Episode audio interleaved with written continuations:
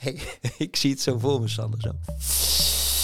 hey, Sander. dat, dat deeltje is tegelijkertijd zichzelf. En dus een anti-deeltje. Oh. Zo, hè? Zo zitten we die gasten bij elkaar gezet. Nee, maar dus marihuana-deeltje, alleen daar is een beetje een schandaal over. Want in Delft hadden ze gezegd, we hebben het ontdekt en het bestaat, we kunnen het genereren. En dat bleek toch anders in elkaar te zitten. Dus de quantumcomputerwereld heeft ook zijn eigen schandalen inmiddels.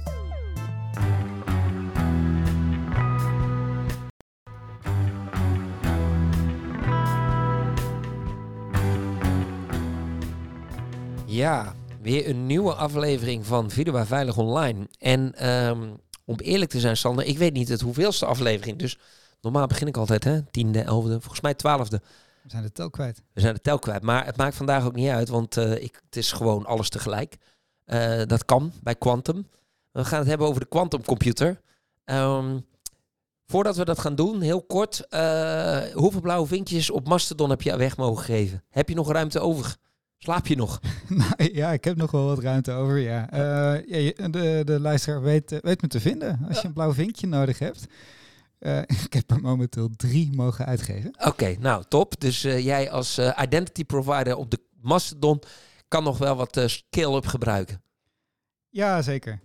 Nou ja, wat ik al zei. Het sympathieke van die platformen is dat ze lekker kleinschalig zijn. Dat laten we ook hiermee weer zien. Ja, en ehm, even voor de luisteraar die denkt, hè, waar hebben ze het nou over? Dan moet je vooral de volgende aflevering even luisteren. Dan leggen we het allemaal, allemaal goed uit. En eh, op onze LinkedIn-post zullen we ook eh, deze keer weer onze Mastodon... ehm, ik heb trouwens wel een volger erbij. En eh, onze Mastodon-adressen meegeven. Ze bestaan. Ja. Verder werd er recentelijk is bekend geworden dat een hele grote hackgroep is, is eh, gehackt. Dus dat is wel op zich goed nieuws. Ja, dat is wel spectaculair. Dat is Lockbit. En daar, het aantal arrestaties vond ik nog meevallen, moet ik eerlijk zeggen. Twee mensen opgepakt, maar eh, ze hebben wel, ik weet niet hoeveel accounts gesloten. En ik verwacht dat hij nog wel een, eh, een staartje gaat krijgen. Ja, tienduizenden accounts. eh, en dan 200 crypto-portemonnees zijn, zijn bevroren. Ja, dus wel een goede, een goede set van de inlichtingendiensten, denk ik. Ja, Ook een goede internationale samenwerking. Nou, mooi. Dus dat, dat is wat er speelt. Maar nu gaan we, vandaag gaan we het over iets heel interessants hebben. De quantumcomputer. En eh, ja, daar heb ik mij de afgelopen tijd eh, ooit al wel eens in verdiept. En de afgelopen tijd ook weer eventjes eh, verder weer ingedoken. En ik moet zeggen, interessante materie is het. En zeker als we het hebben over veilig online. En waarom gaan we dan vandaag proberen uit te leggen. Dus de centrale vraag is, we gaan, hè, want je kan hier uren college opvolgen en dan toch nog tot een bepaald punt denken, oké, nou, ik, het is lastig om de stap van de intuïtieve, dit zou ermee kunnen, naar de echte begrip eh, te brengen. Ik bedoel, dat, dat vind ik lastig, maar dat is denk ik bijna niemand die dat in een uur uit kan leggen. Tenminste, ik heb nog geen eh, one-hour guide to quantum computing eh, excellence gevonden. Dus dat gaat ons niet lukken. Maar ik zou wel dat mensen een intuïtief gevoel hebben waarom je er druk over zou kunnen maken in het kader van veilig online zaken doen, zou ik vandaag wel mee willen geven. ja, daar zou je mij ook wel mee eh, helpen, Remco. Want ik heb eh, tot nu toe eigenlijk alleen maar wiskundig gekeken naar wat moet je nou eh, na die quantumcomputer allemaal geregeld eh, hebben. Maar ik, eh, ik heb me eigenlijk nooit echt willen verdiepen in eh, wat, wat er nou eigenlijk gebeurt in zo'n quantumcomputer. Wat, wat is kwantummechanica eigenlijk überhaupt, Remco? Ja, nou, de kwantummechanica, daar kan ik antwoord op geven. Eh gaat over het bestuderen van de eigenschappen van hele kleine deeltjes. En eh, waarom hele kleine deeltjes? Je moet echt denken aan, eh, aan, aan zeg maar atomen, maar nog kleiner. De fotonen, dus de lichtgolvendeeltjes, eh, ehm, de, de elektronen op dat niveau. En ehm, net zoals dat je in de klassieke mechanica kijk je gewoon van als een steen van de berg rolt. Hoe, zal, snel zal die gaan? Wat zal zijn versnelling zijn? Hoe krijg je een vliegtuig de lucht in? Dat zijn allemaal dingen die je met al die wetten van Newton die wij op de middelbare school eh, hebben gehad, eh, eh, kan, kan uitvinden. En dat is ook zeer, zeer behulpzaam, zeg maar, als je dat kan. En kwantummechanica, ja, die kijkt echt naar de fysieke verschijnselen op de schaal van atomen en subatomaire deeltjes, om het zo te zeggen. En die, ja, die eigenschappen die zijn eh, heel eh, ja, anders dan dat wat de eigenschappen zijn van een steen die van de berg rolt. hoe, hoe, hoe moet ik over die hele kleine deeltjes uh, nadenken? Ja, nou, daar zit een probleem. Eén, um, het is te begrijpen in de zin, wij kunnen eigenlijk die eigenschappen best goed onderzoeken. Of daar zijn we best ver in. En we kunnen ze ook goed beschrijven. En dan kun je daar iets mee doen. Omdat met die wetenschap is echt harde wetenschap, kun je wat mee doen. Dus soms wordt er wel eens een soort suggestie gewekt van ja, dit begrijpt niemand of we weten niet hoe bepaalde dingen werken, dus je kan er niks mee. Nou, dat is niet waar. Je kan er best heel veel mee, want je kan ja, eh, uitvinden wat zo'n deeltje wel en niet kan. En er zitten best mooie wetten achter. Maar het is volledig contra-intuïtief. En dat maakt het vaak heel lastig om je er een voorstelling van te maken. En soms dingen zijn toch makkelijker te onderzoeken vaak als je, of mee te werken als je er ook een voorstelling bij kan maken. En de reden dat dat niet goed voor te stellen is of zo contra-intuïtief is, is omdat wij natuurlijk helemaal geëvolueerd zijn in een mesowereld. Het bijzondere van de mens is eigenlijk, je hebt een heel groot heelal, er zitten hele grote afstanden, ruimtes in, veel te groot dat wij ooit kunnen begrijpen. En je hebt een heel klein systeem waar al die subatomaire en die atomaire deeltjes in zitten. Daar begrijpen we ook niks van. Wij zitten precies daartussenin. En alles in de evolutie om te overleven is dus ook aangepast op hoe de mesowereld zich gedraagt hier op aarde.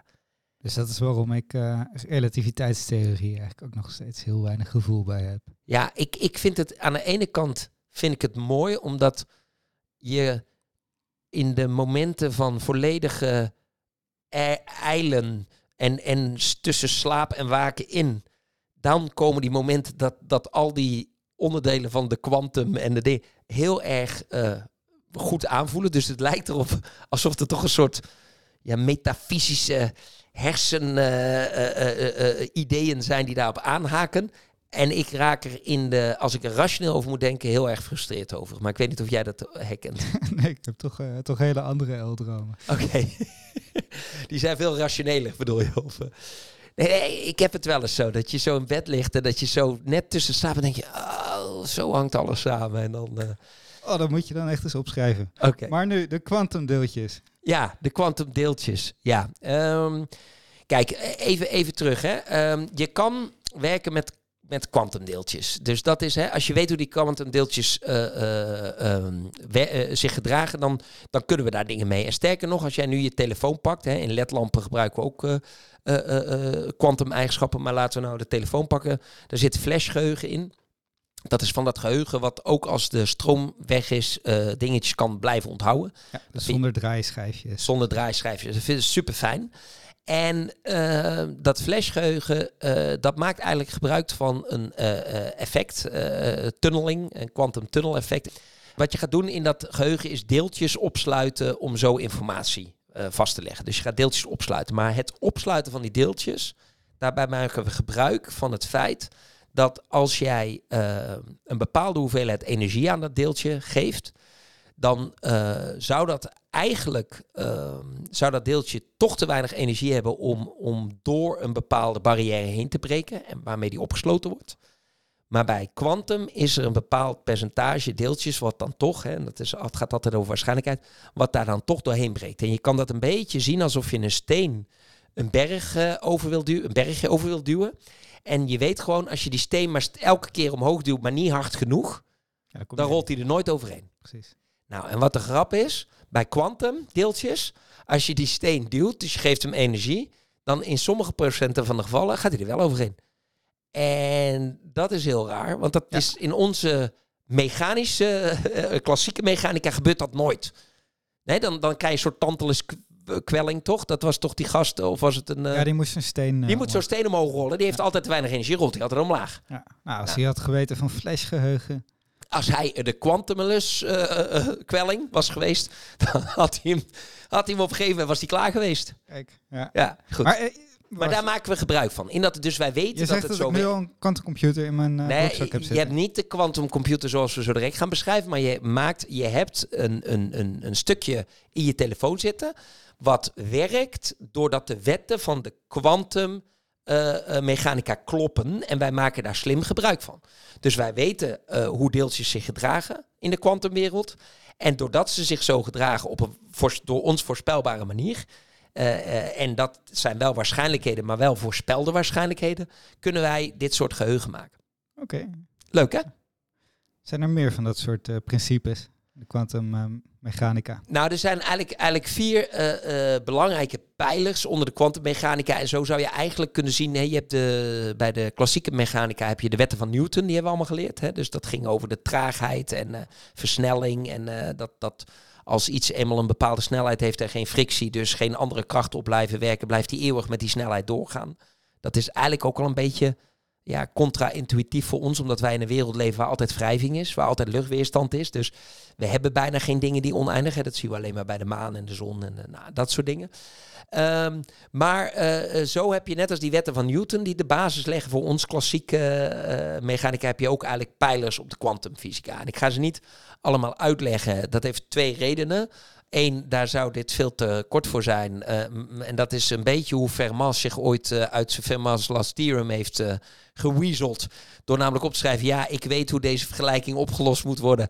Maar de kantlijn is te smal. Nou, dat doe, dat doe ik nu ook een beetje. Dus jij weet hoe kwantummechanica werkt, alleen de podcast is te kort, helaas. Precies, precies. Dat, ja, dat. Nee, dus ik, ik kan hier overal wel, een, bij sommigen snap ik meer van dan anderen. Ik kan er ook best wel een, een, een, een idee heb ik er al van. Maar ik kan dit echt niet college overgeven. Dus ik zou het niet, uit, ik zou het niet goed uit kunnen leggen. Maar het kan wel als basis dienen om te weten dat er ook dit soort pijlers zijn. En de eerste pijler die we hebben is de Schrödinger vergelijking. En iedereen kent Schrödinger's kat. Nou, niet iedereen, maar veel mensen kennen dat. En dat ging erover dat een kat tegelijkertijd leven en dood uh, was, uh, uh, kon zijn tot het moment dat wij zouden observeren. Nou, dat is een moeilijk gedachte-experiment, daar zal ik zo nog iets over zeggen. Daar ken je misschien Schrödinger van, maar wat veel belangrijker is de Schrödinger vergelijking.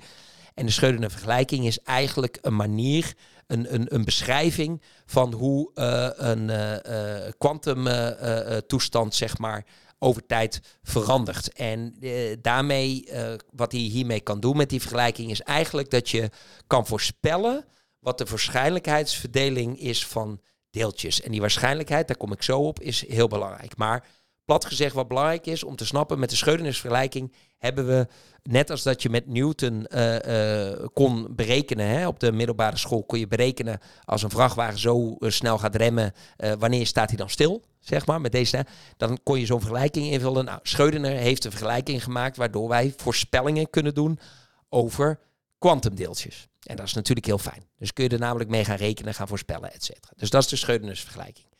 Daarnaast heb je, en die is heel, heel contra-intuïtief, maar heel interessant, het principe van superpositie. En superpositie is uh, ook de kern van waar, die quantumcomputer waar we, het, uh, waar we het straks over gaan hebben. Dat is ook heel belangrijk, want dat betekent dat een deeltje in een soort waarschijnlijkheidsverdeling um, in meerdere toestanden tegelijkertijd kan zitten. En uh, tot het moment dat het interacteert met zijn omgeving. Maar dat bete interacteren betekent ook tot het moment dat wij gaan kijken in welke positie die zit. En dan krijg je een collapse. Dan, dan gaat hij uit die superpositie. Dat is uh, waar die kat. Uh, dat is waar die kat over gaat. Want wat gebeurt er? Je hebt bijvoorbeeld deeltjes, heel simpel, die kunnen in upspin en in downspin zitten. Nou, voor mensen met een computerachtergrond, dat lijkt een beetje op eentje en nulletje. Handig, lijkt op bits en bytes. Hè? Bits, eentjes, nulletjes. Maar zo'n deeltje zit in beide situaties tegelijkertijd in een waarschijnlijkheidsverdeling.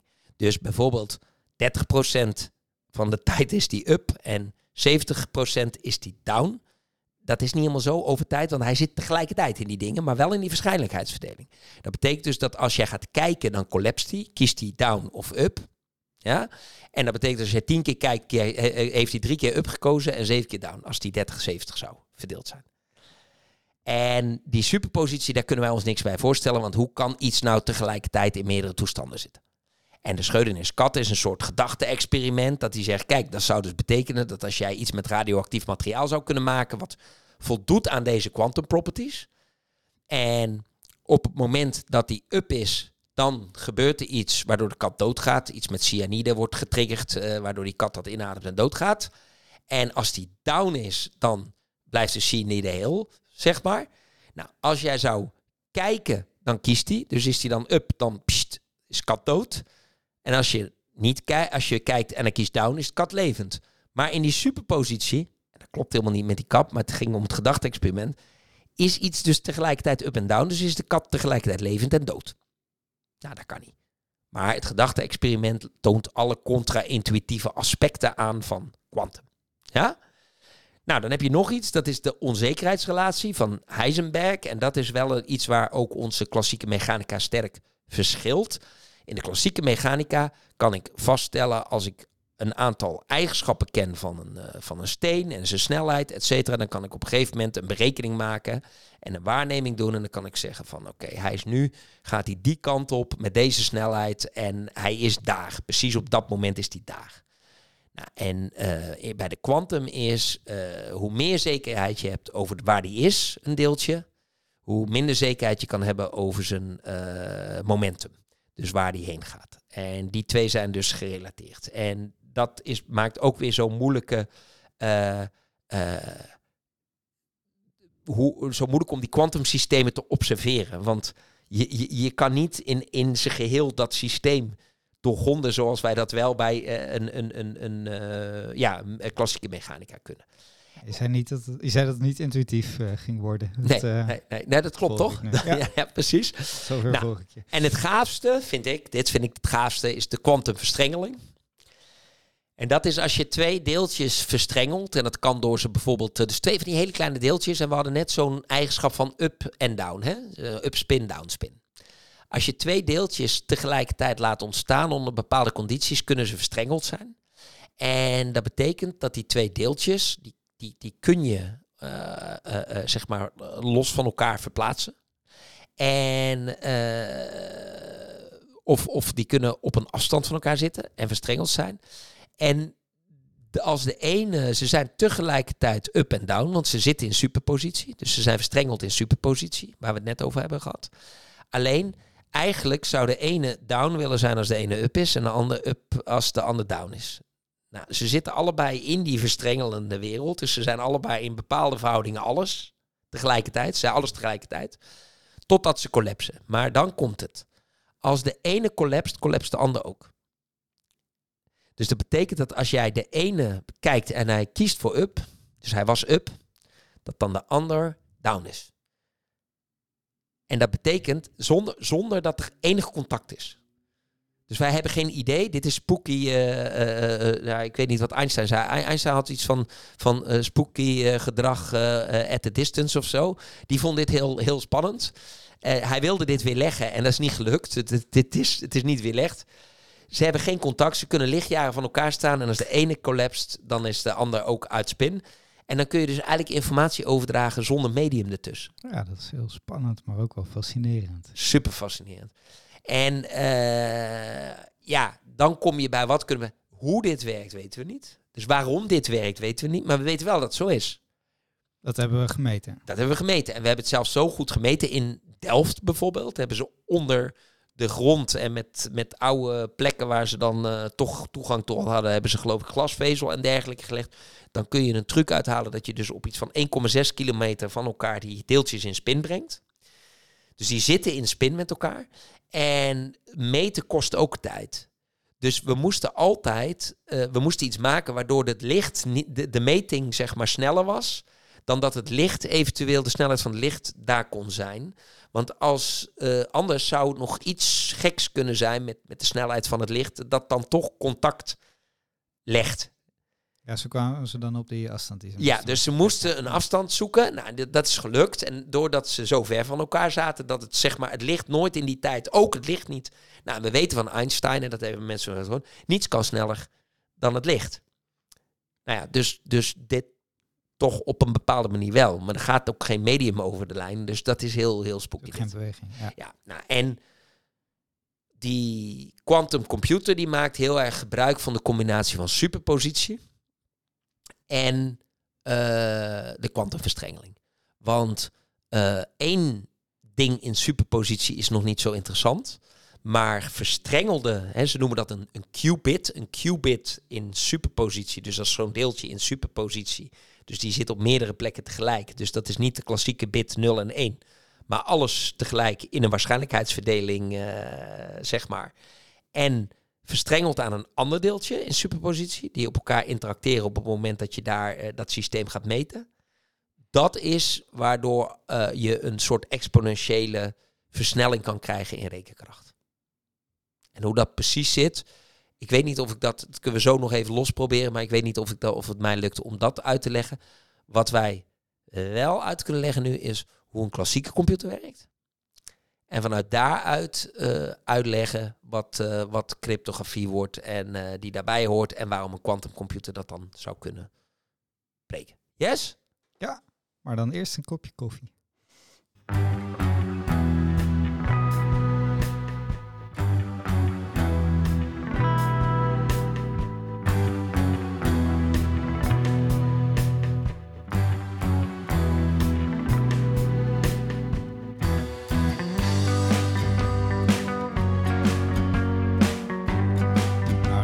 Op. We hebben net een, een mini-college van Remco gehad over kwantummechanica. Ik snap er nog steeds niks van, maar het heeft wel impact op veilig online zaken doen. En om dat uh, te, beter te begrijpen, moeten we eerst eens kijken naar wat een computer nou eigenlijk doet. Precies dat. Uh, ik hoop, hè, je, je snapt er niks van, maar je begrijpt wel dat we er iets mee kunnen, toch, Sander? Ja, we moeten er ook iets mee. Ja, precies. Um, nou, ik ga uh, klassiek computer, ook daar kun je uh, meerdere colleges over geven. Ook weer niet zoveel. Het is, het is eigenlijk vrij eenvoudig als je de essentials kent. Dat, dat viel mij op toen ik uh, de studie IT-auditing ging doen. En toen gingen ze me dat uitleggen. En toen waren er eigenlijk twee of drie wat langere colleges nodig. En dan snap je de basics wel. Maar nu moet het veel korter, dus ga ik proberen. laten we het even één ding met elkaar vaststellen. Computers werken vooral met eentjes of nulletjes. Uh, eigenlijk eentje nulletjes. Uh, bits. Bits, ja. En, en, en bits, dat zijn, uh, daarmee kun je logische bewerkingen doen, zoals dat heet. Eigenlijk kun je dus gewoon rekenen met eentjes of nulletjes. En die eentjes of nulletjes kun je opslaan. Daarvoor gebruik je dat flashgeheugen of zo'n ouderwets harde schijf. Hè, op tape, eentjes en nulletjes, opslag. Je kan ze vervolgens, kun je uh, software schrijven. Dat, dat is zeg maar, uh, uh, die, die legt uit, ook weer in eentjes en nulletjes, wat je met die andere eentjes en nulletjes moet doen. En om dat te doen heb je een zogenaamde CPU nodig. Hè? En dat is jouw processor, hè, een Intel Inside. En wat die kan doen, die, is, die kan eigenlijk die eentjes en nulletjes van die software interpreteren. En dan vervolgens zeggen, oh, nu moet ik iets uit de opslag halen. En dat moet ik dan gaan vermenigvuldigen en dan komt er weer nieuws eentjes nulletjes uit. En die kan die dan weer ergens opslaan. Dus dat is eigenlijk het spelletje. En ja, uh, kloksnelheid. Eigenlijk loopt die computer heel de tijd rondjes, die processor. Dus die gaat heel de tijd hetzelfde doen. Die gaat heel de tijd kijken, wat moet ik nu doen? Die haalt wat op uit het geheugen. Die maakt daar een rekensommetje mee en die zet het terug in het geheugen. Nou, dan is het in je geheugen, dan zie je nog niks. En dan hebben we nog zogenaamde output. Nou, output is dat het dan in plaats van die eentjes en nulletjes uh, in jouw schijfje alleen te laten, is ook om om te zetten in bepaalde pixels op jouw scherm, waardoor er bijvoorbeeld een lettertje A staat of een lettertje B. Dus dat is zeg maar de manier van uh, uh, output. En je hebt natuurlijk nog input met eentjes, en nulletjes. Want als jij bijvoorbeeld een heel simpel rekensoftwareprogramma of Excel en je doet twee, je wil twee keer drie doen, ja, dan wil jij die twee input doen. Dat is input van eentjes en nulletjes. Dan gaat hij, heb jij dat maalteken gedaan, dan snapt dat ding, ik moet nu gaan rekenen. Dus dan gaat hij ermee rekenen. En uiteindelijk komt er een output uit. Hè. Als je twee keer drie doet, dan komt er output 6 uit. Nou, zo werkt die hele computer. En maakt niet uit wat je doet, of je nou een spelletje speelt, of je kijkt een videoprogramma, of je bent uh, uh, aan het rekenen, of je bent uh, met je muis op, op Google Maps aan het, aan het schuiven. Maakt allemaal niet uit. Alles gaat in de essentie terug, dat alles om wordt gezet in eentje nulletje waarmee gerekend wordt en die output wordt razendsnel weer teruggegeven in de vorm van eentje nulletjes en dan altijd weer omgezet naar iets wat wij kunnen zien. Dat is hoe een computer werkt. Eigenlijk vrij simpel. Ja? Ja, tot zover volg je. En uh, als je dan wat veilig online wil gebruiken, dan uh, is die output bijvoorbeeld een uh, bericht dat over het internet naar een andere computer gaat. Precies, precies. Dus als jij een bericht typt, dan doe je dat in eentje nulletjes en dan ga je het op uh, uh, uh, versturen naar jou. En jouw computer maakt van die eentje nulletjes weer dezelfde tekst. Dus daar horen allemaal afspraken bij. En die afspraken, die, dat noem je dan de, de standaarden of de protocollen. zonder dat wij het weten, liggen er achter die computers liggen Nou, ik denk wel miljoenen en miljoenen stapels papier eigenlijk waarop staat de afspraakjes. En die zijn allemaal geïmplementeerd. En daardoor kunnen al die computers heel goed met elkaar werken. Maar dat is echt eigenlijk gigantisch als je al die afspraken zou hebben. Nou, en om, om uit te leggen hoe een normale computer een opdracht uitvoert, wat zo direct belangrijk is om te snappen waarom die quantumcomputer bepaalde dingen kan kraken, noem ik één zo'n afspraak. Dat is Unicode. En Unicode zegt hoe je karakters om kan zetten in rijtjes, eentjes en nulletjes. En als je naar simpele karakters gaat kijken, die kun je dus in, in 7 bits wegzetten. Dus 7 eentjes en nulletjes. En als je dan bijvoorbeeld uh, uh, 1 met 5 nullen en een 1 pakt, dus dan heb je 7 eentjes en nulletjes, namelijk 1, 0, 1, zeg maar. Dan is afgesproken, dat is de hoofdletter A. Dus als jouw computer weet, ik ben nu Unicode uh, afspraken aan het, aan het interpreteren. En hij krijgt zo'n rijtje met 1, 0, 0, 0, 0, 0, 0, 1 dan zeg oh, dan moet ik een hoofdletter A laten zien. En uh, als je dan wil gaan, uh, de computer een taak wil geven, dus stel voor, even heel simpel, en ik sla allerlei dingen plat, maar je hebt uh, een meneer A, B, C, D, E, F, G en zo door. En je hebt 15 meneren en die hebben allemaal een hoofdletter als naam. En daarachter staat een leeftijd. En die staan door elkaar. En je zou willen weten van die computer, goh, wat is de leeftijd van meneer A? Wat die computer dan op hoofdlijnen gaat doen, die gaat een, een, een, een, een zoektaak uitvoeren, waarbij die gewoon zegt, nou, ik heb een lijst van 15. En ik begin, dat is dan de, dat programma, die beslisregels die wij erin hebben gestopt, weer in de vorm van eens en nulletjes, en, de, en die zegt tegen die processor, ga eerst kijken naar eerste, uh, de naam van de eerste persoon als die gelijk is aan, want je wilde meneer A, dat was jouw input, dus dat lijstje van 1, 0, 0, 0, 0, 0, 1, dan wil ik zijn leeftijd weten. Nou, stel voor die eerste meneer is meneer uh, G, dan is dat niet gelijk aan 1, 0, 0, 0, 0, 1. En wat die computer dan doet, is gelijk is een 1, ongelijk is een 0. Dus ook die output van die eerste vergelijking is weer eentjes en nulletjes. En dan is dat programmaatje weer zo gemaakt dat hij zegt, als het een nul is, dus niet gelijk, dan was het niet meneer A. Welke meneer het dan wel was, weet ik niet, want dat heb je niet gevraagd, maar het was niet meneer A, want er kwam nul uit. En dan zegt het programmaatje, ook weer in de eentjes en nulletjes taal, ga dan opnieuw hetzelfde doen, maar doe dat bij de tweede in de lijst. En dan loopt hij net zo lang door totdat hij komt bij een plaats dat, hij kan, dat er niet een 0 uitkomt, maar een 1. Hé, hey, ze zijn gelijk. Dan gaat hij weer terug naar die logica en dan zegt de logica, dan wil ik nu niet dat je naar de volgende gaat, want ik heb hem gevonden. Dan wil ik nu dat je het rijtje daarnaast pakt, de andere lijst pakt en daar uitleest wat de leeftijd is. En als die meneer A net als ik dan 43 is, dan leest de computer in dat lijstje 1, 0, 1, 0, 1, 1. En dan weet hij, omdat hij die afspraken heeft, dat hij op het beeldscherm moet laten zien 43. Dus, Best logisch. Ja, dat is heel logisch. En dat is dus als jij dus een zoekfunctie doet en je zegt, wat is de leeftijd van A? Dan staat daar natuurlijk meteen op jouw computer 43. Want die computer, die doet dit voortdurend, maar die kan dit supersnel. En heel vaak met hele grote getallen. Dus alles wat ik nu zeg is allemaal met hele kleine, simpele getalletjes. En, en, maar daartussen, om deze simpele berekening te doen, heb je ook een, een softwareprogrammaatje nodig. Nou, als je dit nou heel leuk vindt en je wil er echt gevoel bij kennen, dan kun je op een website naar de Little Man Computer. En dan kun je op een hele simpele manier dit spel spelen. Maar die computer die doet dit in het klein. Maar dan, dit is het. Maar dan met superveel eentjes en nulletjes, superveel tegelijk. Dat zijn die uh, kloksnelheden. Die dat zijn die knoks, kloksnelheden. En het gaat over duizenden en duizenden berekeningen per seconde die, uh, die worden gedaan. En ja, daardoor gaat het allemaal super razendsnel.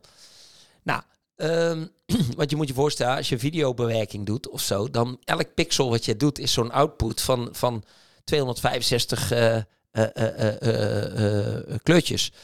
En ieder kleurtje heeft ook gewoon zo'n rijtje eentjes en nulletjes. Hè? Of, of nog veel meer kleurtjes. En, en, en eh, die computer die moet dus voor heel dat grid, want jouw scherm bestaat uit heel veel pixels.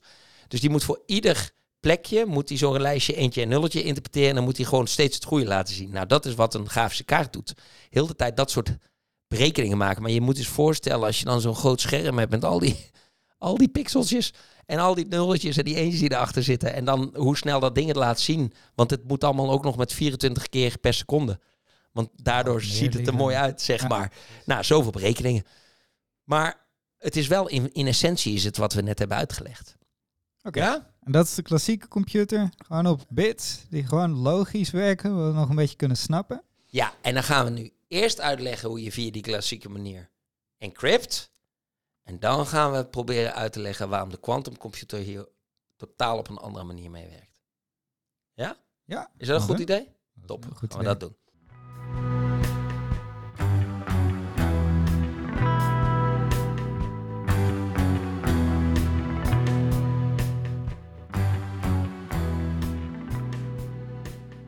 We gaan het over cake hebben. Ah. Maar niet de band. Gaan het hebben over hoe je een cake maakt. Nee, we gaan het hebben over RSA, Sander. Weet jij nog waar RSA voor staat? Ja, dat zijn eh, die drie cryptografen. Rivest, eh Ja, Rivers. Shamir en Ad- Edelman. Ja, zoiets hè? Ja. Ik weet het nooit uit mijn hoofd. Ik vind RSA makkelijker. Dat vonden zij waarschijnlijk ook. Ja. Goed. Ehm, nee, als je nou zo'n bericht gaat sturen, waar we het net over hadden, dan bestaat het eentje en nulletjes. Hè. We hebben net gezegd, die A die bestaat uit een eentje, vijf nulletjes en eentje. Nou, dus als ik zeg ha, Sander, bla bla bla, dan eh, kan een heel lang bericht eh, uitkomen. Maar feitelijk is het mooie van eentje en nulletje, daar kun je altijd mee rekenen. En je kan dat eh, weer met eentjes en nulletjes gaan vermenigvuldigen. En dan komt er weer een ander rijtje eentjes en nulletjes uit. Als we nou willen cryptograferen, wat we dan willen, is dat, ik, dat we een manier hebben hoe we die eentjes en nulletjes kunnen omzetten naar iets waardoor jij, eh, waardoor alleen degene die eh, het eh, geheimpje heeft, zeg maar, het weer terug kan omzetten naar de oorspronkelijke nulletjes, waardoor mijn computer ook weer laat zien wat, wat er ooit verstuurd was. Ja, dan versleutel je iets naar die andere persoon toe. En die kan dan ontsleutelen. Precies. Nou, en wat RSA doet, die werkt, dat is eigenlijk de basis van wat wij vaak noemen dan publieke sleutel infrastructuur. Die werkt met zogenaamde publieke sleutels. En dus ook privé sleutels. Private keys en public keys. Nou, hoe werkt het? Publieke sleutels, nou, eh, eh, dat zijn hele eh, lange getallen. En die lange getallen, die kun jij gebruiken om een boodschap, dus waar we het net over hadden, te versleutelen. Ja? Dus als jij mij iets wil sturen en jij pakt mijn publieke sleutel, dan versleutel je dat. Als jij het vervolgens wil ontsleutelen, dan kan dat niet met diezelfde sleutel. Dat kan alleen maar met een geheimpje wat ik heb. Nou, hoe werkt dat nou? Ehm, het gaat uit van een bepaald wiskundig principe dat het, eh, zeg maar, als ik eh, twee grote getallen heb, grote priemgetallen, dat ik die makkelijk kan vermenigvuldigen zelf en daar wat mee uit kan halen. En dan jou daar de, eh, eh, de uitkomst van kan geven. Dat is dan het publieke sleuteldeel. Maar dat is als je die uitkomst hebt en je hebt ook een bericht wat daarmee versleuteld is, dan is het toch nog steeds bijna onmogelijk om weer terug te rekenen wat mijn geheimpjes eh, waren. Dus het is niet mogelijk om terug te rekenen eh, wat, waar ik, welke priemgetal ik heb gebruikt om tot dat grote getal te komen. En dat kan ook contra-intuïtief, net als de kwantummechanica voelen. Van hoe zit dat dan? Nou, eh, er zijn er twee voorbeelden die ik altijd bij mij werken. Ten eerste, als jij het woord eh, fiets eh, in het Duits wil weten en je hebt een Nederlands-Duits woordenboek, dan is het makkelijk voor ons met onze logica om fiets bij de fiets en dan om te zetten naar Fahrrad. Ja? Maar op het moment dat jij geen idee hebt wat het eh, eh, woord fiets in het Duits zou zijn, dus je weet helemaal niet of het met welke letter het begint dus ook. Hè? En jij krijgt dat Duits woordenboek voor je neus, Duits-Nederlands, en je wil dan het woord fiets vinden, ja, dan ben je heel lang bezig. Want dan moet je alle pagina's langs. Precies, dus het kan wel, maar het duurt wel heel lang. Ja, het kan wel. En je kan natuurlijk een lucky shot hebben, maar als jij uh, woorden uit moet zoeken, dan is, het, uh, is de kans heel groot dat je dit... is een vervelende operatie. Ja? Een andere metafoor die ze wel zeggen is, kijk, als jij een... en vandaar dat we het over cake gaan hebben. Als jij cake gaat bakken en je hebt daar een, een beetje eieren staan en boter en bloem dan is het best uh, uh, goed overzichtelijk oh, waar, die, waar die stukken, waar, waar dat papje wat daaruit gaat ontstaan, uit ontstaan. Hè? Dus ik kan makkelijk van de cake of van de bloem en de boter en de eieren een papje maken. Maar als ik die nou wegdoe en ik zie alleen het papje en iemand zegt, kijk, wat zat er nou in dit papje? Eh, je, mag alleen maar met je handen kun je daar aan zitten, maar meer ook niet. Ja, dan, dan weet je niet of het olie was of boter of, of bloem of misschien was het wel een ander poedertje het is heel moeilijk om, om dan weer terug te herleiden wat er exact in die, in die emulsie gegaan is. Ja, en zelfs al weet je wat erin zat, je krijgt eh, heel lastig weer die bloem terug en dat ei terug. ja, je, je, je krijgt nooit de, de, de hele scherpe, de, eh, in de scherpte eh, krijg je die, die ingrediënten niet meer terug. Nee, nee. Nou, dus dat is wat. Nou, wat doet RSA dan? Die, uh, als ik dus jouw publieke sleutel pak, uh, waar jij de geheimpjes van hebt, dan kan ik iets, iets versleutelen, naar jou toesturen. En jij hebt wel het geheimpje. En dan is het wel heel makkelijk, als jij de oorspronkelijke getallen had, is het wel heel makkelijk om weer van die boodschap, van die boodschap te rekenen met die eens en nulletje en te komen tot het oorspronkelijke boodschap. Ja, precies. Dus dan hoef je niet, zoals in dat Duits-Nederlandse woordenboek, één voor één alle opties af. Te kijken of je de juiste getallen te pakken hebt. Maar dan kan je het gewoon uh, met een uh, wiskundig sommetje uitrekenen. Ja, feitelijk krijg jij dan de. Jij weet wat de paginanummer is. Ja. Dus jij kan gewoon meteen naar het juiste paginanummer. Dan moet je nog wel even kijken. Dus je moet nog wel een berekening doen. Maar die berekening is heel makkelijk. Precies. Snel te doen. Ja, die is snel te doen. Nou, en, en dat is eigenlijk best wel bizar. Want, want het, is, het is best wel uh, leuk dat je dus. Uh, prima uh, tot, tot die ingrediënten kan komen met een wat sommetjes. Dat je dan vervolgens prima kan versleutelen. Dat als je een van die geheimpjes, dus als je dat geheimpje nog hebt, dat je het dan ook vrij makkelijk kan ontsleutelen. Maar dat het echt honderden en honderden jaren voor de allersterkste computers zou, zou kosten om zeg maar trial and error die hele, die, die hele sleutel weer te ontleden met rekensom. Dus dat, dat is een heel handige uh, ja, constatering in, in, in de wiskunde die we voor klassieke computers kunnen inzetten.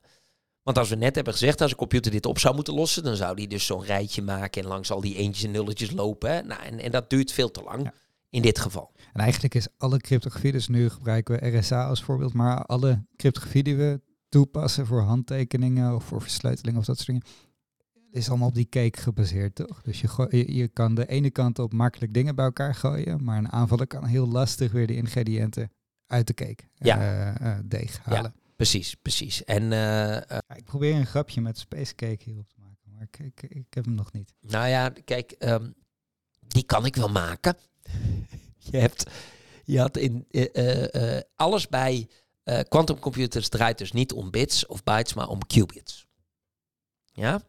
En qubits, dat zijn dus van die deeltjes, kwantumdeeltjes, die uh, in superpositie kunnen zitten en verstrengeld kunnen zijn. En in superpositie zijn ze eigenlijk alles wat ze kunnen zijn tegelijkertijd. Dus in elke toestand waar ze in kunnen zitten tegelijkertijd. Met een kansverdeling. Met een kansverdeling, alleen die kansverdeling die uit zich pas als je hem bekijkt. En dan weet je in welke... Nou, dat is, dat is het complex. Maar nu heb je verschillende manieren om die qubits te maken. En één daarvan is het gebruik van het fictieve uh, of het, het, het, het, hypothetische deeltje wat, waarvan ze denken dat het zou moeten bestaan. Dat is een deeltje wat zowel zijn antideeltje als zijn deeltje is. Het zogenaamde Majorana-deeltje. En Majorana, Space Cake, hè, dat zit best dicht bij elkaar, dacht ik. Leuk hè? Ja, ik wou met hash maken, maar je hebt hier ook mee. Ja, jeetje. Ja. helemaal rond. Ja. hash, ja, hash is ook wel goed, ja. Hash in de Space Cake. Even terug qubits, dus quantumcomputer. Waarom uh, is nou die quantumcomputer die de bedreiging voor die uh, cryptografie die we net hebben beschreven? Nou, dat zit als volgt. Die qubits die kunnen dus tegelijkertijd in meerdere toestanden zitten. Ja? Nou, als je die gaat verstrengelen, dan kun je er een aantal achter elkaar en die zitten allemaal tegelijkertijd in meerdere toestanden. En als je dan gaat kijken hoeveel, als jij een rijtje van bijvoorbeeld uh, uh, uh, 128 eentjes nulletjes hebt, dan kun je je voorstellen dat je heel veel combinaties kan maken met die 128 eentjes nulletjes. Maar je hebt steeds, als je die bits hebt, dan zitten ze allemaal, hè, heb je een, een, een, lange toestand van 128 uh, nulletjes. Dus je kiest één getal uit alle mogelijke getallen die je kan maken met 128 eens en nulletjes. Ja, dus je geheugen zit altijd in, in één toestand. Of je, je processor en alles in die computer. Met die verstrengelde bits zitten ze dus tegelijkertijd in al die toestanden. Dus dat is alsof je dat uh, woordenboek met alle pagina's tegelijkertijd kan uh, doorzoeken. Exact. Ja, dus je hebt eigenlijk moet je het zien alsof je dat woordenboek in één keer, zeg maar, kan ontleden, ontvouwen, waardoor je in één keer al die kennis hebt. In plaats van dat je al die kennis één voor één moet aflopen. Nou, en daar is dus een algoritme, eigenlijk een uh, theoretisch algoritme, waarbij iemand, meneer Shore, en volgens mij meneer Grover heeft er ook, uh, kan er ook wat van. Dat zijn dus mensen die hebben bedacht van tevoren, als we nou zo'n quantum, als we nou gebruik kunnen maken van die quantum-eigenschappen op de volgende manieren, en dan maken ze zeg maar een soort quantum-algoritme. Als wij op die manier gebruik maken van die properties en we volgen deze stapjes, dan kun jij in één keer dat terugrekenen hoeft dan niet in die trial and error, wat zo heel lang ging duren van die, uh, van die priemgetallen. Maar je kan het in één keer overzien. Dus je kan meteen de output, uh, je kan alle outputs tegelijkertijd proberen. En dus als je alles tegelijkertijd kan proberen, uh, rolt er ook meteen een plek uit waar, waar, het, waar het goed zat. Zo moet je het een beetje voorstellen. Ja, en dat is wel grappig. Dus het is niet alleen theoretisch. en die Shorty heeft het al in 1994 gepubliceerd. Uh, maar het is ook daadwerkelijk al uh, uh, uitgevoerd. Dus IBM heeft bijvoorbeeld in 2001, zag ik, het waanzinnige resultaat van het opsplitsen van het getal 15 ja? in de priemgetallen 3 en 5 bereikt. Met Shor's algoritme. Met Shor's algoritme. Op een. Was het een, ja, en was het een echte quantumcomputer of was het een simulator? Weet je dat? dat Goed, want, want er zijn eigenlijk een aantal, een aantal dingen. Um, kijk je dan naar de huidige situatie van de quantumcomputer, en de reden waarom ik dat vraag van die simulator is, die qubits, daar zit het hem dus in. Dus je moet naar die superpositie, je moet uh, van die deeltjes in zo'n toestand brengen waar ze alles tegelijkertijd zijn. En het vervelende is, je moet ze dus input hebben, dus je moet ze met licht of whatever, breng je ze in die toestand dan moet je ze daar uh, laten interacteren. Maar je mag niet kijken. Dus, en ze mogen ook niet, ze mogen ook eigenlijk niet um, op een andere manier interacteren dan het in de toestand zetten. Want als iets interacteert, dan vervalt het. Hè? Dan vallen ze uit die superpositie. Dus je moet daar een soort ja, zwarte doos maken waarvan alles in een, bepaalde toestand zit. Dan ga je een hele gecontroleerde meting uh, voeren, zodat je precies de collapse krijgt zoals je hem wil daar, dat is weer gewoon een, een, een 1-0 of iets, iets hè, klassieks. En daar leid je dan uit af, wetend dat je dit hebt ingestuurd uh, en dit eruit komt. En het probleem is dan, dan heb je nog steeds, een, wat we al hebben gezegd, een probability, een kans. Dus of je moet heel veel dingen heel vaak herhalen, of je moet het zo maken dat die kans al voldoende jou weer antwoord geeft op de, uh, de, dus dat je voldoende kan afleiden uit dat systeem uh, wetend welke kansverdeling die had. Dus dat is, dat is nog iets anders dan wat wij gewend zijn. Hè? Wij zijn gewend bij computers dat als die zegt het is 16, dat het dan ook 16 is. Hier geeft hij iets, iets mee en wij weten dat er daardoor een, een bepaalde kansverdeling heerste in dat systeem. En daar moeten we weer op een slimme manier kennis uit afleiden. Dat maakt het heel anders. Nou, en de moeilijkheid is, is het is heel moeilijk om die, die dingetjes te verstrengelen en dan stabiel te houden. Want er hoeft maar iets te gebeuren en ze collapsen weer, zeg maar. Het is heel moeilijk om op, op de juiste manier dan die informatie eruit te krijgen. Uh, uh, dus dat is lastig. Je hebt heel veel ruis, zoals dat heet. Dus het gaat ook vaak maken ze fouten.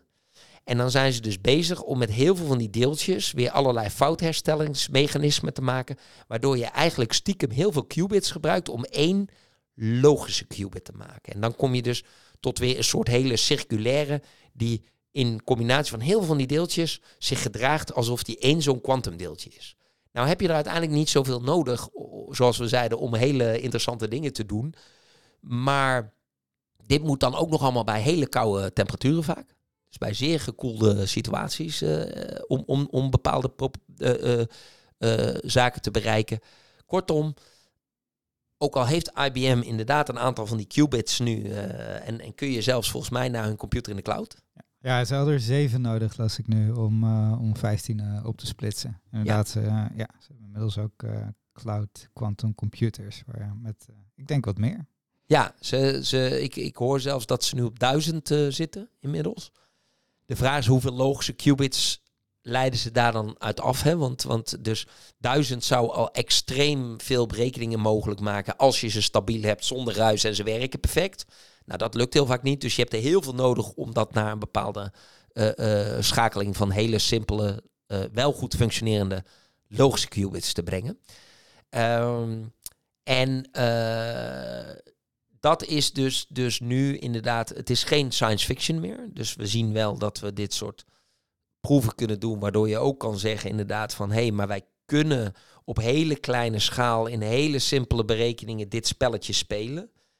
En dan komt het dat het nog een kwestie van tijd is of we het ooit ook op schaal kunnen spelen. En uh, ja, wij verwachten met z'n allen dat dat gaat gebeuren. Ja, het gaat gebeuren, maar wanneer? Dat is de vraag. En daar weet jij wat over. Wanneer nou, gebeurt het? ja, wist ik het. Maar uh, nee, het Global Risk Institute heeft in uh, 2021 daar een onderzoek naar gedaan. Hebben ze een stuk of 30 experts op dit gebied gevraagd, internationaal. Hoe lang zij denken dat het gaat duren. En de uitkomst is, niemand weet het. Iedereen vindt er wat anders van. dus ja, de een die zegt, ik denk dat het binnen vijf jaar best wel zou kunnen. 50-50 kans. Ja, de ander zegt, nou ik weet nog niet eens of we het over 30 jaar hebben. Een quantumcomputer die snel genoeg is om bijvoorbeeld de gekwalificeerde handtekeningen van vandaag te kunnen kraken. Ja, en dan vind ik het super gaaf dat ze dus in dat onderzoek hebben ze van die quantum mensen, experts benaderd. En heel dat onderzoek vraagt ook, stelt ook alleen maar vragen met een kans. Dus wat, wat, is de kans? Hoe groot acht jij de kans dat uh, um, je uh, binnen nee, dat je binnen 24 uur dit soort type cryptografie kan kraken? En binnen welke tijd, zeg maar? En dan zegt, zegt een van de respondenten, nou dat kan misschien, ik acht dat 50% kans dat dat binnen vijf jaar kan. Toch? Zo, zo is heel dat onderzoek. ja, dat is toch een beetje beroepsdeformatie. Dat ze niet gewoon logisch ja of nee, 1 of 0 kunnen zeggen. Precies, dus dat vond ik wel grappig. Hé, hey, maar uh, het vormt vandaag, ook al weten we uh, niet wanneer het kan, het is wel een risico wat vandaag al speelt. Waarom? Nou, het meest acute risico nu is als je ervan uitgaat dat op een gegeven moment die quantumcomputer beschikbaar komt. En misschien niet voor ons gewoon om, weet ik op je telefoon in je broekzak te hebben zitten. Maar wel voor three-letter agencies die massaal burgers willen afluisteren, weet ik wat. Um, nou, is het risico dat die instituten nu al heel veel data kunnen verzamelen, ook versleutelde data, om die later, zodra ze die quantumcomputer hebben, te kunnen ontsleutelen. Dus dat heet Harvest Now, Decrypt Later. En dat is een heel wezenlijk risico waar je nu al rekening mee moet houden. Ja, want heel vaak heb ik in risicoanalyse bij hele grote partijen ook gezien dat ze zeggen, ja, maar we hebben sterke encryptie op deze database. Dus uh, al, ook al hebben we iemand die het uh, inbreekt, dan kan die er nog niks mee. Daar moet je altijd wel zeggen, oké, maar als die data waarschijnlijk over zeven jaar nog relevant is, of over vijf jaar, dan moet je daar toch mee oppassen met dat soort uh, uitspraken. Ja, eigenlijk heeft, heeft alle data toch een bepaalde houdbaarheid waar je wat mee moet. Ja, nee, dus, dus dat. dus mensen, daarom is ook onder die eders dat gekwalificeerde archief wel prettig, toch? Ja, dus één ding die je als gekwalificeerd vertrouwensdienstverlener kan, kan aanbieden, is dat je bijvoorbeeld handtekeningen en zegels in bewaring neemt voor je klanten. En telkens zorgt met de nieuwste cryptografie dat, dat de integriteit van die documenten bewaard blijft. hey, en dan nog een, een vraag. zijn er, er zijn toch gewoon ook cryptografische manieren die, waar nog niet zo'n quantum bedacht algoritme voor is. Want die quantumcomputer die kan namelijk niet meteen alle berekeningen uitvoeren zoals wij ze klassiek kennen. Ja, klopt. En uh, dus uh, Shor's een algoritme die, uh, nou, die zou RSA moeten kunnen kraken en ook handtekeningen op basis van elliptische krommen. Maar er zijn ook best wat andere algoritmen voor versleuteling of voor handtekeningen. Bijvoorbeeld lattice-based cryptography en je hebt hash-based cryptography. En iedereen gaat er nu vanuit dat die ook met de quantumcomputer niet, niet zo snel te kraken is. Dus dat je dan alsnog dingen zo kan versleutelen dat het heel erg lang duurt voordat je ze weer kan uh, ontsleutelen. Ja, het, is wel, het is trouwens wel top dat, je, dat we nou die elliptische krommen noemen. Want weet je nog dat ik daar straks zei over dat ik dat grapje maak dat ik uh, de podcast te kort was om quantum uit te leggen? Dat Fermat ooit had gezegd bij zijn Fermat's Last Theorem, ik kan dit aantonen, maar de margins uh, van dit boek zijn te klein. Ja. ja. Uiteindelijk is Fermat's Last Theorem inderdaad uh, uh, bevestigd, de theorie die hij zei, door iemand. En die maakte gebruik van de stelling um, dat een elliptische kromme altijd modulair moest zijn. En door dat te bewijzen, want als namelijk Fermat's Last Theorem niet waar was, dan kon je elliptische kromme maken die niet modulair was. En Roco, ga jij dan na de volgende pauzeblokje even uitleggen hoe dat allemaal werkt? nee, ik snap er geen reet van. Ik weet alleen dit. De podcast is hier te kort voor, ja. dat moet je zeggen. Okay. Daar is de volgende podcast ook te kort voor. Nee, maar ik vond dat wel uh, ja, bijzonder hè, hoe dat allemaal samenhangt. Ik uh, denk, ik zal het toch even noemen. Dan lijk ik ook gewoon slimmer. Ben, ben ik helemaal niet, ik weet gewoon veel. Nee, ik weet ook helemaal niet veel. ik zoek veel op. Sander, heb jij nog een nabrander voor deze podcast? Of vind jij uh, voldoende uitgelegd wat wij met die quantumcomputer kunnen doen? Ik en... ga lekker dromen over superpositie vannacht. Ja, nou, ik ga gewoon in mijn dromen altijd de superpositie. Dat moet je ook eens doen. Ken je dat, lucide dromen? Oh ja, daar heb jij ben, ben je heel chagrijnig over geworden, of niet?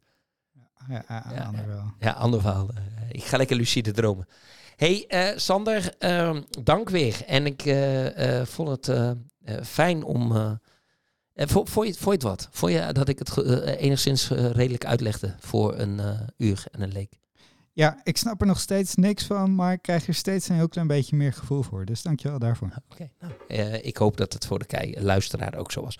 Als je ons nou leuk vindt, dit was uh, weer de aflevering van uh, Video Veilig Online. Vind je het nou leuk of denk je, hey, dit is wel interessant voor een collega of iemand die je kent?